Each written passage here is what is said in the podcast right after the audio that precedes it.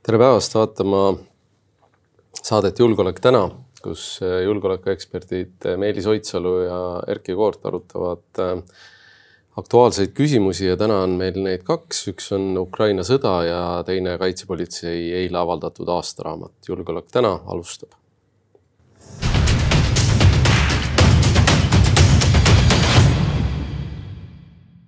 nii ja lähme kohe saatega käima, et äh, sõda Ukrainas jätkub, äh, erioperatsioon, mis pidi lõppema neljakümne kaheksa tunniga, vältab juba, juba nelikümmend kaheksa päeva. ja, ja tegelikult lõppu ei paista, eks äh, noh, hästi palju on seda soovmõtlemist, me kõik ootame ukrainlaste võitu.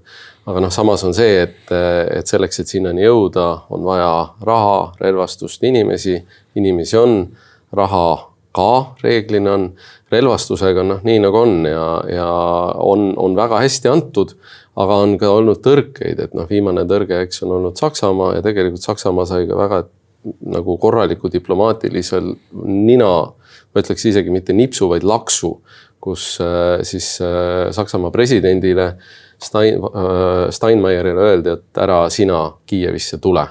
et, et selles suhtes on, on sündmused sellised päris noh ütleme nii diplomaatilised kui sõjalised, mis, mis arenevad ju väga kiiresti. Ja mõnevõrra on ikkagi pingestunud Ukraina ja, ja Lääne-Euroopa suhted ka, me ei tea veel, kuidas lõpevad Prantsuse presidendivalimised, kui seal peaks Le Peni saatma edu, siis need pinged ilmselt kasvavad veelgi.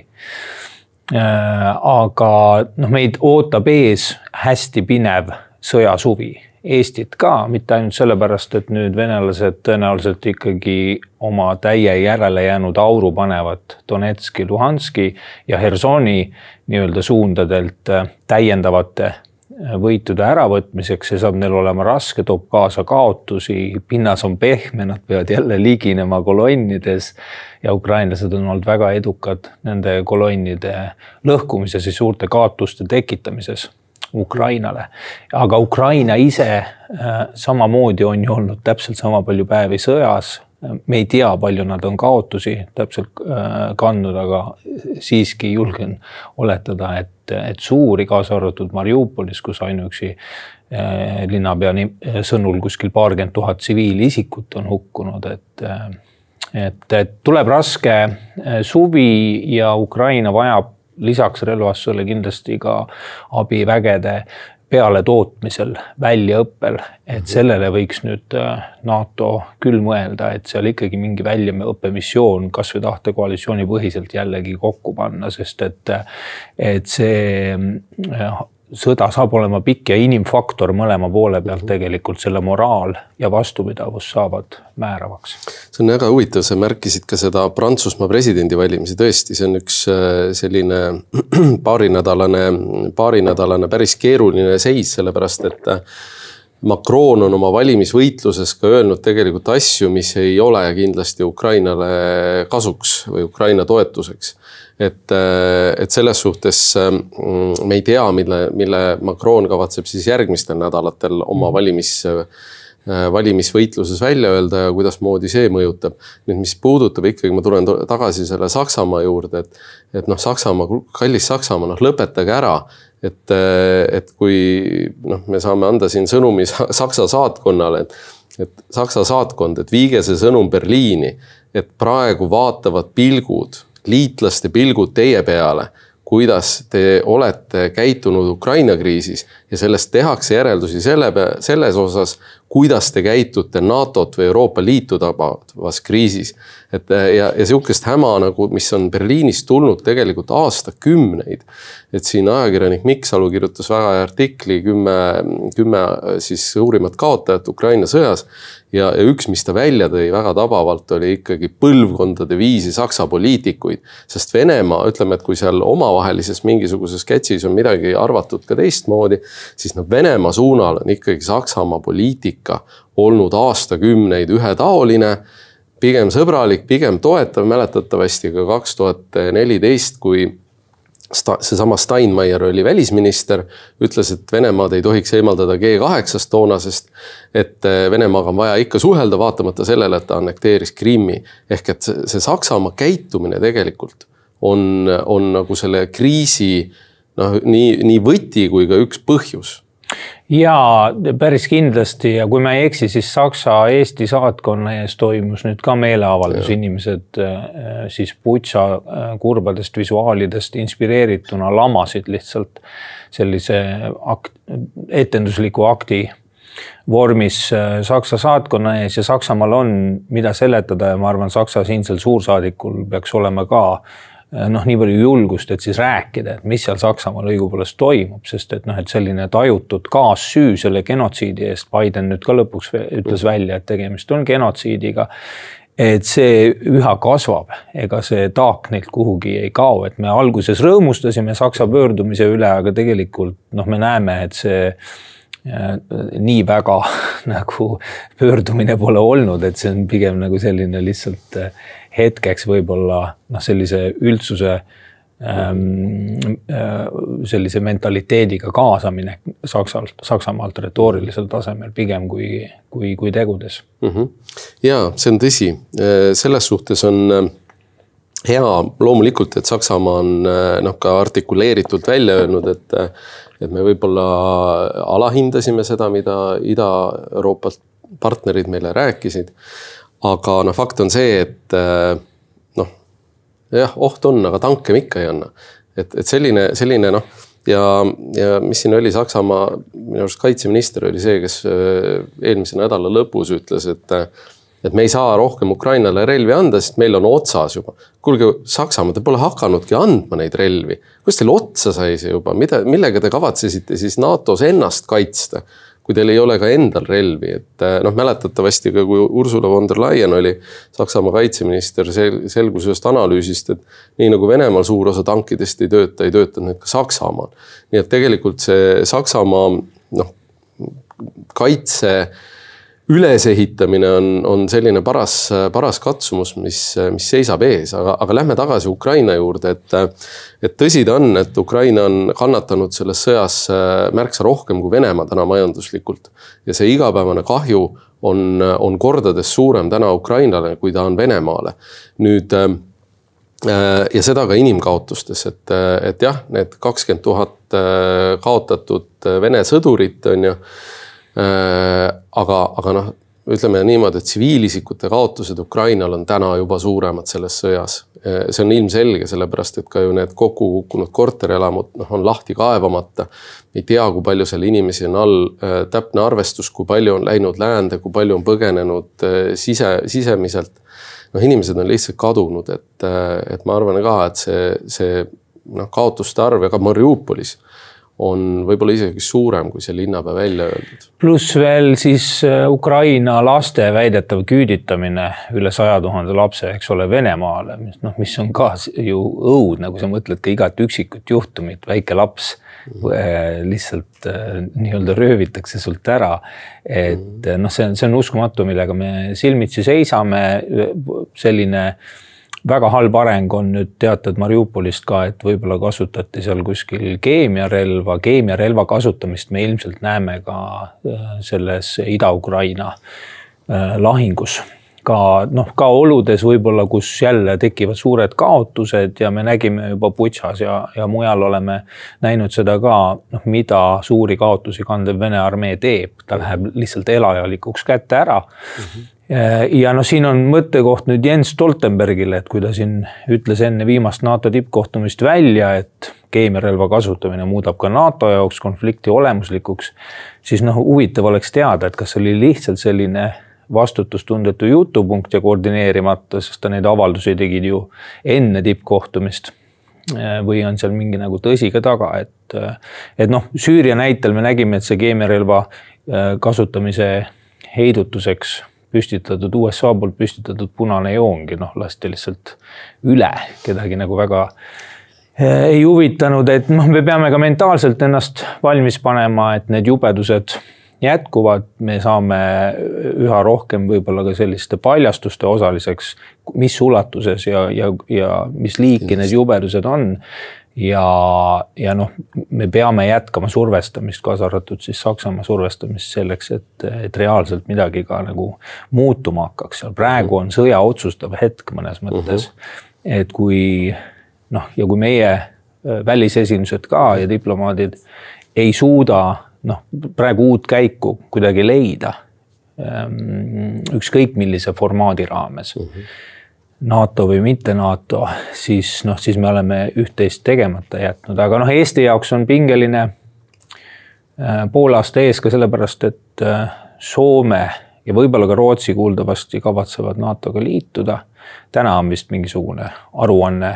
täna on arutelu jah, analüüsi tutvustus. on ekspertidelt, neil on ka see, soomlastel on ka päris hästi see tegelikult läbi lavastatud nii-öelda see liitumisprotsess, et mhm. ekspertidelt tellitakse analüüs siis noh, hääletatakse see läbi, seda on ka vaja noh, siseriikliku konsensuse ehitamiseks nii hellal teemal noh, kus tegelikult Soome eripärasid või kultuuri arvestades noh, võiks ju eeldada, et sihuke asi võiks isegi nagu natukene referendumile minna, praegu seda lihtsalt võimalust väga ei ole seal mingeid referendumeid korraldada, avaliku arvamuse mm, uuringud näitavad, et on, on valdav toetus, aga sealt võib tulla nüüd siis noh, meie ukse taha üks teine selline kriis, mis ei pruugi olla sõjaline, see võib mingit sõjalist survestamist, praegu juba väike selline survestamine toimub, Venemaa viib mingisuguseid Äh, sõjalisi rasketehnika elemente Soome piirile hetkel äh, aga. see on see nüüd see kõrgtehnoloogiline sõjatehnika, mis ei ole veel yeah, Ukraina sõtta yeah, jõudnud, eks. mida ukrainlased ei vääri,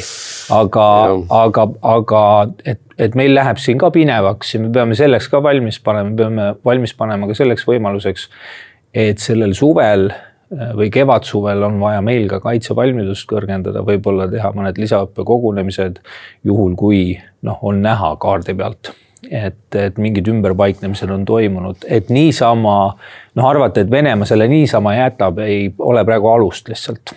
Noh, ütleme niimoodi, et ega Venemaal ei ole ka väga palju jõudu äh, seda kuidagimoodi sellele adekvaatselt reageerida, sellepärast et et ikkagi see mass, mis on noh, Ukrainasse kokku kuhjatud ähm, ja, ja see, mis selle massiga seal juhtub.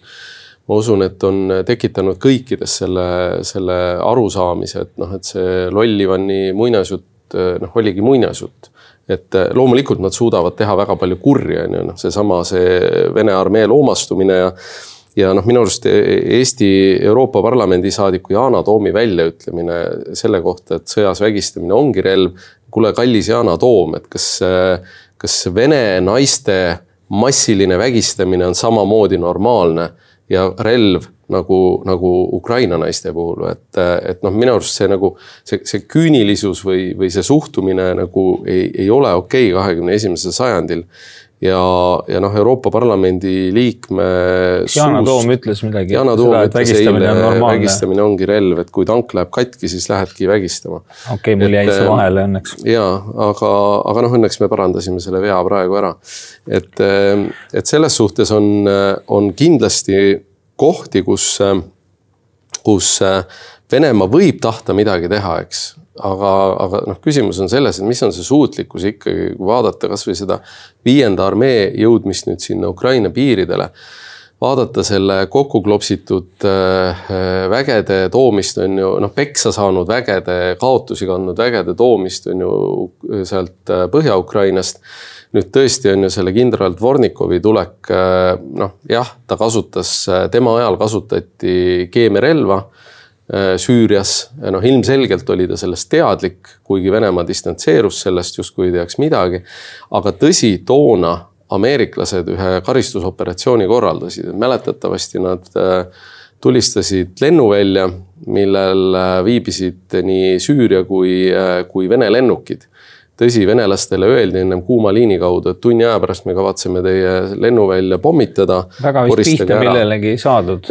no see on, see on Venemaa väide on ju, ja, ja teine asi, ma arvan, et see on ka väga oluline sõnum, sellepärast et kui toona tulistati sinna selle rajatise pihta nelikümmend kaheksa raketti siis see nelikümmend kaheksa oli ka sama arv, mille Venemaa suutis kahe aasta jooksul tulistada Süürias asuvate sihtmärkide pihta. ehk ühel juhul lasti kaliibrirakette siis Kaspia merelt äh, Süüria sihtmärkide pihta kahe aasta jooksul. teisel juhul Vahemerelt ameeriklaste poolt kahe minuti jooksul mm. -hmm. et noh, eks see oli ka sõnum, et kuulge, poisid vaadake. ja noh, see adekvaatsuse nii-öelda teema ei ole kuigi oluline selles operatsioonis Ukrainale olnud, et nad ei, või tähendab Venemaale, et mm. nad ei, Kreml ei, ei noh, võta seda mingisuguse kriteeriumina adekvaatsust ja ebaadekvaatseid rünnakuid, noh, ma arvan, mingit ebaadekvaatset survet me näeme ka Soome, Soome suunal kindlasti mm -hmm. pärast seda ja Rootsi suunal, kui see Äh, kui äh, NATO-ga liitumine tuleb rohkem päevakorda. Soome puhul ja ka Rootsi puhul on oluline ka see, et mida siis noh, mis muutub Eesti julgeolekus mhm. Soome liitumisega. Soome idapiir on maru pikk et noh, et seda loota, et nad artikkel viie operatsiooni puhul suudaksid siia otseselt noh, tulla meiega selg selja vastas sõdima pigem on see vähetõenäoline, nende vägi on seda piiri arvestades ka ikkagi suhteliselt nagu tagasihoidlik suuruselt mm. -hmm. küll aga kaob ära siis see probleem, mis meil on olnud alati ka igasugustel õppustel, et see, et kas Soome ja Rootsi annavad siin toimuva näiteks konflikti puhul võimaluse oma lennuvälju ja, ja sadamaid kasutada, et see noh see neutraliteedi nii-öelda lõks on nüüd äh,, saab sellega lahendatud. eraldi küsimus on see, et kui Soome saab siit NATO-ga liitumise ja Ukrainale ei anta noh, ka pärast sellist sõjalist edu, mis neil jutumärkides äh,, arvestades kõiki äh, kaotusi ja jubedusi, mis nende ühiskond on pidanud üles pidama.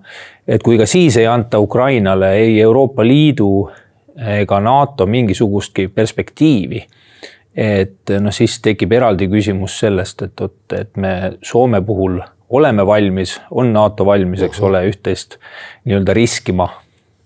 aga, aga Ukraina puhul mitte. Ja see on, võib, see võib tunduda kiuslikuna, ma arvan, neid ei saagi omavahel siduda, noh, diplomaatilises protsessis ei tohigi. So, Soome liitumine oleks Eestile hea ja NATO-le ka hea aga see moraalne küsimus jääb ja see noh, moraalne veelahe siis üha suureneb, et kas siis ukrainlased on mingid teise järgu inimesed või, et nad ei, ei, ei soovi seda või, või ei vääri sarnaseid perspektiive. ja ma ütleks siia sellesama sõnumi, mida ma olen siin saates kord juba öelnud, et äh, tsiteerides siis äh, Jaanus Rahumäge, et mitte mitte Ukraina ei vaja NATO-t, vaid NATO vajab Ukrainat. Ja, ja huvitav on see, et mis juhtub eh, juhul, kui Soome ja Rootsi liituvad selle mm, kaitseorganisatsiooniga, muutub Läänemeri sisuliselt NATO sisemereks, et sellele jääb ainult kaks kallast, Kaliningrad ja, ja Peterburi, mis ei ole NATO.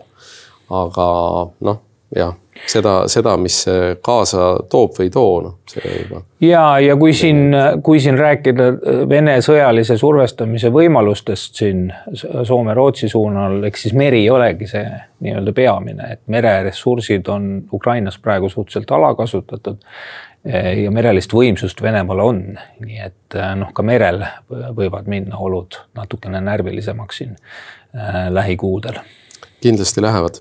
aga eh, meil on saates ka teine teema ja nüüd vahetamegi teemat.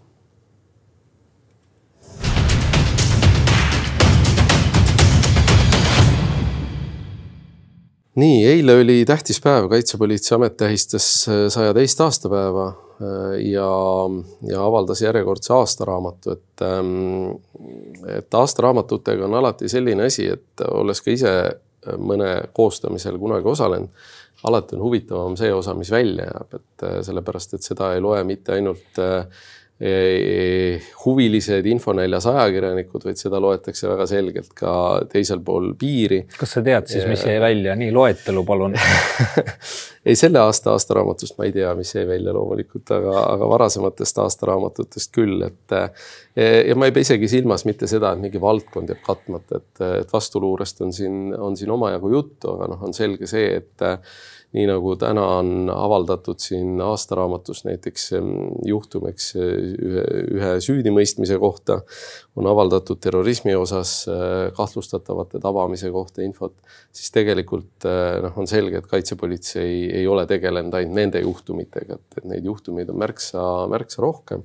aga noh, eks see on see, et pooleliolevad juhtumid ja, ja võib-olla ka noh, kui tahes huvi pakuvad, äh, noh, lihtsalt jäävad välja, sellepärast et mitte ruumipuudusel, aga mm, -hmm. aga just selle infokaitse jah, mingid asjad, mis on ilmselgelt välja jäänud, millest meiegi siin juttu oleme teinud.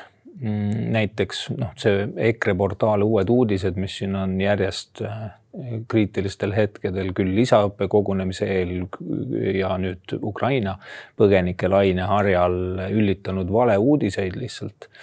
et äh, esimesel juhul, kui see lisaõppe kogunemise valeinfo levis, siis kaitseministeerium palus selle maha võtta.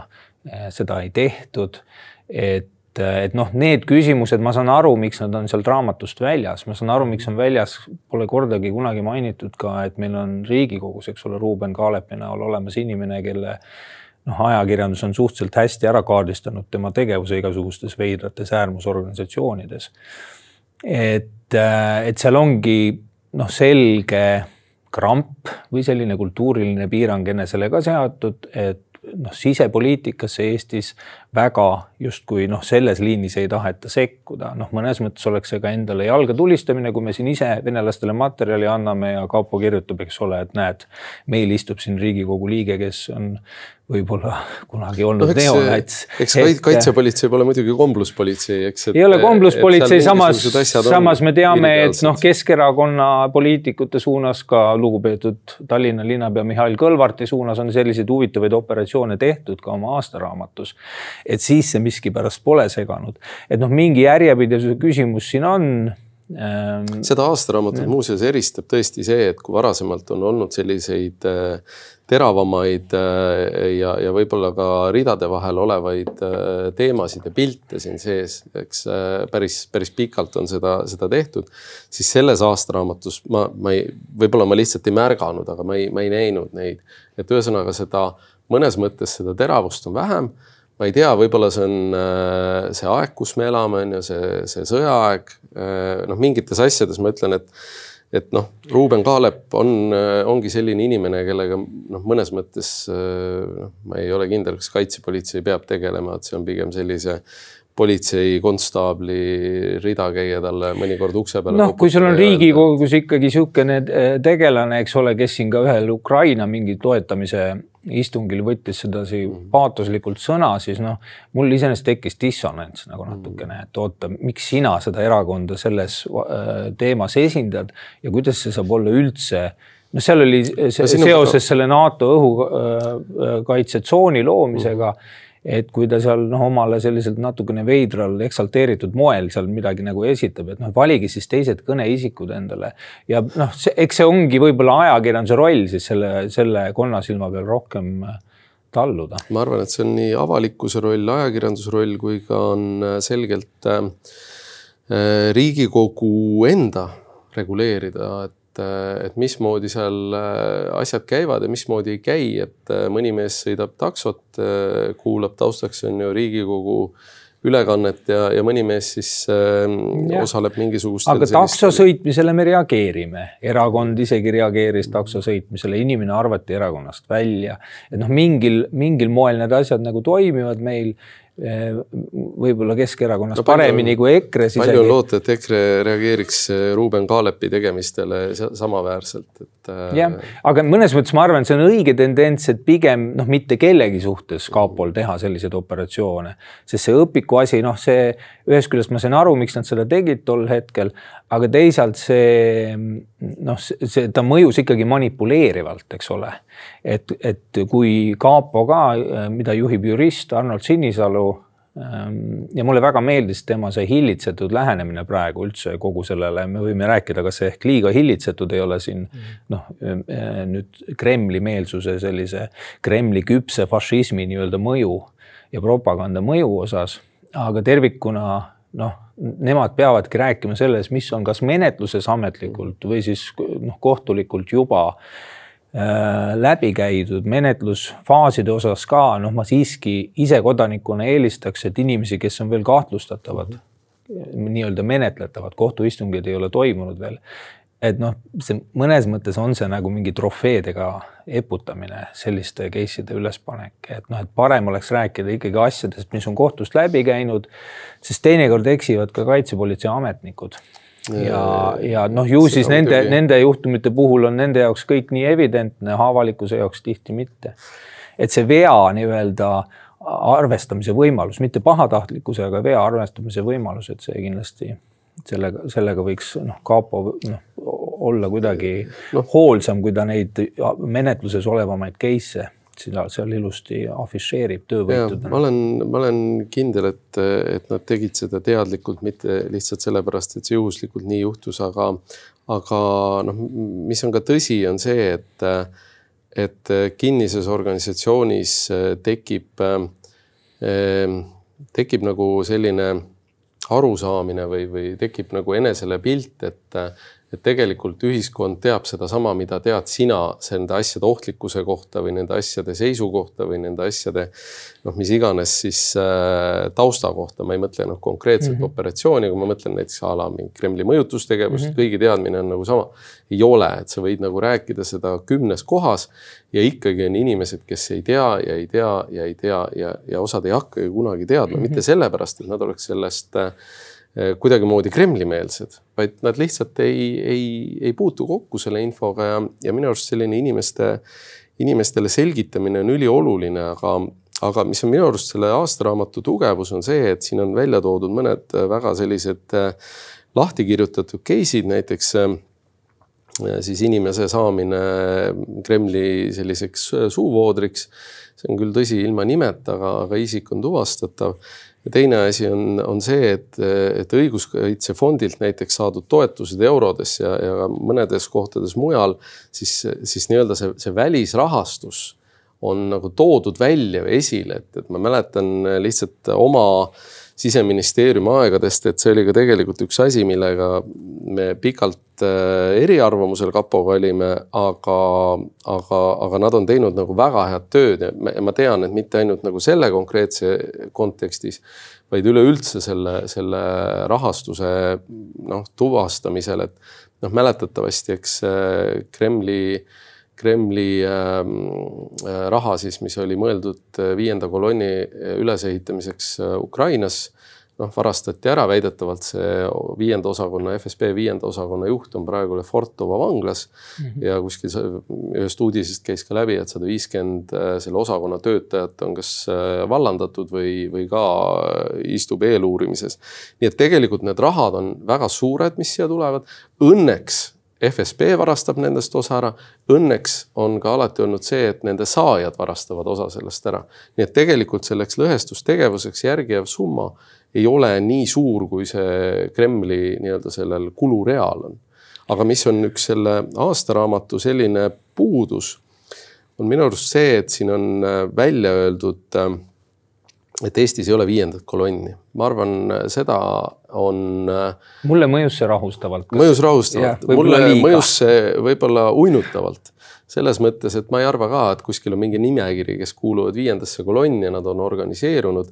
aga ma arvan, et, et see ei ole mitte niivõrd ühiskonnas käibel organisatsiooni mõistena, vaid kuivõrd meelsusmõistena või sellise mõtteviisi mõistena et eh, noh, fakt on see, et Eestis on inimesi, kes eh, ei ole Eesti Vabariigi suhtes hästi meelestatud ja seda, kas nad on viies kolonn või ei ole mm, -hmm. näeme me kriisi hetkel. ja üks lakmuspaber muidugi on üheksas mai, mis on kohe tulemas. politsei on praegu väga head tööd teinud, on ju Narvas juba Tallinnas äh, piiridel, et äh, neid Georgi lintide ja sõjasümboolikaga sõidukeid peatada või, äh, või kästa neid eemaldada. see on, see on väga-väga tänuväärne tulem-, töö. aga üheksandal mail on see tavaliselt olnud massiline ja see, kuidas seal saadakse hakkama on, näitab tegelikult ka ühe lakmuspaberina ära, mis seisus me tegelikult oleme. ja mul, ma sümpatiseerin Arnold Sinisalu üleskutsega mitte minna nii-öelda sinna kalmistule ajaloolist õiglust, ajaloolist õiglust mm, kuidagi taastama, et see noh, selliste vastanduste otsimine milleks, noh pingeid kruvida. mulle meeldib, et iseenesest on äh, seekordses aruandes räägitud ka eestikeelsest äh, riigiga rahulolematus-segmendist osad neist on siis vaktsiinivastased, siin on hästi oluline muidugi teha vahet, mitte hakata noh, kogu vaktsiinivastasust nii-öelda sekuritiseerida kui mingit julgeolekuohtu. vaktsiinivastaste seas on väga palju inimesi. mina ei arva ka see, et ka need inimesed, kes vallandati kaitseväest, olid riigivastased, eks ole kes keeldusid vaktsiini tarbimast, et seal on mingid kultuurilised, mingid noh, hoiakulised ka tem poliitilisest temperamendist sõltuvad no, valikud. kaitseväelased muidugi olid missioonideks väga täissüstitud erinevaid varasemaid vaktsiine, nii et aga noh, hea küll. jah, aga mis, mis ähm, Äh, jäi silma, oli positiivsena oli ka see skeem selgitatud ära, kuidas ütleme sellisest noh, äärmusvaktsiini vastasusest, noh, mis seal paranoilisusega, eks ole, opereerib peamiselt oma mõtlemistemperamendilt äh,. et kuidas seda on üks hetk võimalik, kui juhid välja vahetatakse, eks ole, seal paar tükki noh, panna tegema mingeid muid riigivastaseid tegevusi. muide, mulle üllatavalt rõhutas Sinisalu kui ka rõhutab see aruanne ikkagi islami terrorismi jätkuvat võimalikkust Eestis, et see oli võib-olla noh, kui need kõik muud jutud sellest, et korruptsioon on liikunud sinna eh, krüptoraha maailma ja nii edasi, tumeveebi, et, eh, et see on kuidagi ootuspärane kõik, et siis selle jätkuv noh ülestõstmine või et see on meile ka reaalne nagu oht seal nagu öeldud, et see oli mulle kuidagi võib-olla kõige üllatavam asi sellest aastaraamatust. ja, aga jälle ma arvan, et kapo teab, mida räägib, sest, sest meilt on läinud, eks inimesi sinna võitlema ja teine asi, eks need kinnipeetud inimesed, kes on olnud siis eh, Lähis-Idas seotud tapmistega ja, ja, ja mitte ühe-kahe inimese tapmistega, vaid sadade tapmistega noh, tegelikult näitab, et, et see, see probleem on, on olemas, aga, aga ilmselt jah, on meie noh, suuremad probleemid mujal, kuigi see on alati selline asi, mida ei tohi kunagi lasta uinutada ja, ja ära. mille eest ma väga tahan kiita, mis mulle kohutavalt meeldis selle aastaraamatu juures, on see, et et siin on äh, toodud välja eraldi peatükk, mida me oleme õppinud, et minu arust organisatsioonide õppimisvõime ja ka selle avalik nagu presenteerimine on tegelikult see, mida Eestis võiks rohkem olla, et, et me teame mõlemad, et kui kui valusad võivad olla mõned õppetunnid ja, ja tegelikult noh, riigi vaatest on, mõnikord ongi oluline need salastada ära seitsmekümne viieks aastaks, et vaenlane ei teaks sinu nõrkusi. Äh, mingisugustes kohtades on äh, oluline avalikult öelda, et kuulge, et muuseas on ju, mida me oleme juba teinud selle, et, et minu jaoks see mõjus nagu väga hästi mm. -hmm. mitte, et, et kaitsepolitsei oleks noh, kuidagi eksinud seal mingites varasemates tegemistes, aga see organisatsiooni õppimisvõime ja, ja selle nagu noh, presenteerimine, see oli nagu suurepärane. ma arvan jah, et see on, sa kiidad mu arust ka õiget asja, et luureinfo puhul, mis äh, noh, tarbijana, luuretarbijana jääb sageli sedasi, küsimuseks on ikkagi so what küsimus, et mis siis? Noh, et mis mi,, mi, mida ma sellega nüüd peale hakkan, mida ma siit järeldama peaksin, et see järeldamine jäetakse kliendi teha ja noh, kapo näitab äh, ja seda me heitsime ka VLA-le ette, eks ole, Välisluureameti aastaraamatule, et seal nagu ei ole näha seda rõhku sellel so what küsimusel äh, vastamise huvi eriti ei esinenud seal, et siis kapo noh, näitab minu arust lihtsalt niisugust head luurekultuuri sellega.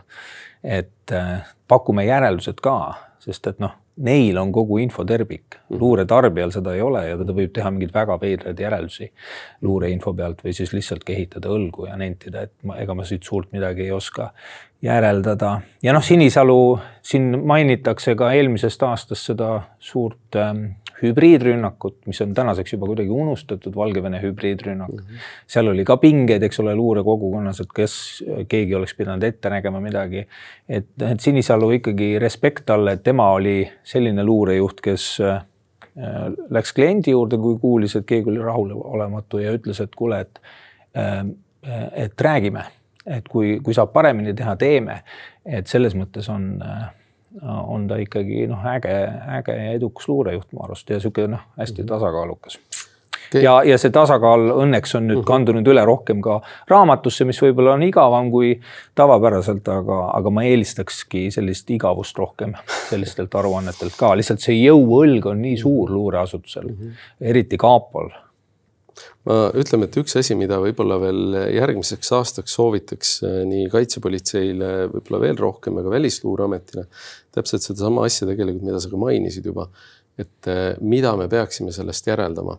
et äh, kui seda loeb inimene, kes ei ole nagu julgeoleku valdkonna taustaga, kas tema lugedes saab aru seda, mida see kirjutaja sinna tegelikult sisse on pannud et, et hästi tihti on ju, sa viitasid tellijale, eks, et, et noh, näiteks mõni, mõni kas ministeerium või, või valitsus.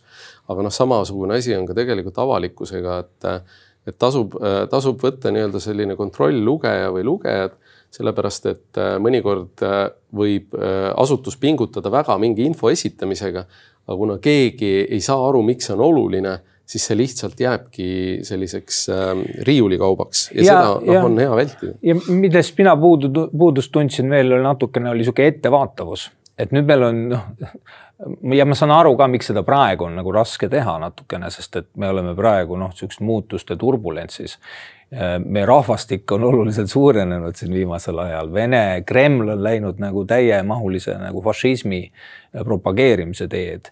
et need kindlasti hakkavad mõjutama Ukraina-Vene kogukondade vaheline selline hõõrdumine, et, et noh, et see operatsioonikeskkond läheb segasemaks, aga noh, küllap äh, läheb äh, kapol ka tarvis aega, et sellega kohaneda mm -hmm. ja vaadata ette siis, kas ette on vaja mingeid arenguid ära hoida või mõjutada ja nii see tõesti on, aga ma arvan, et äh, meie tuleviku kohal on päris palju sellist äh, udu ja, ja, ja, ja määramatust on, on palju nii Ukrainas, äh, Soomes kui, kui tervikuna maailmas julgeoleku mõttes ja, ja ma arvan, et sellega me võiksimegi lõpetada, et see, küll see udu ükskord hajub ja, ja silmapiirid selginevad, aga, aga oluline on meeles pidada, et et udus on kindlasti karisid, mida olemasolust me ei tea, et me midagi ei tea.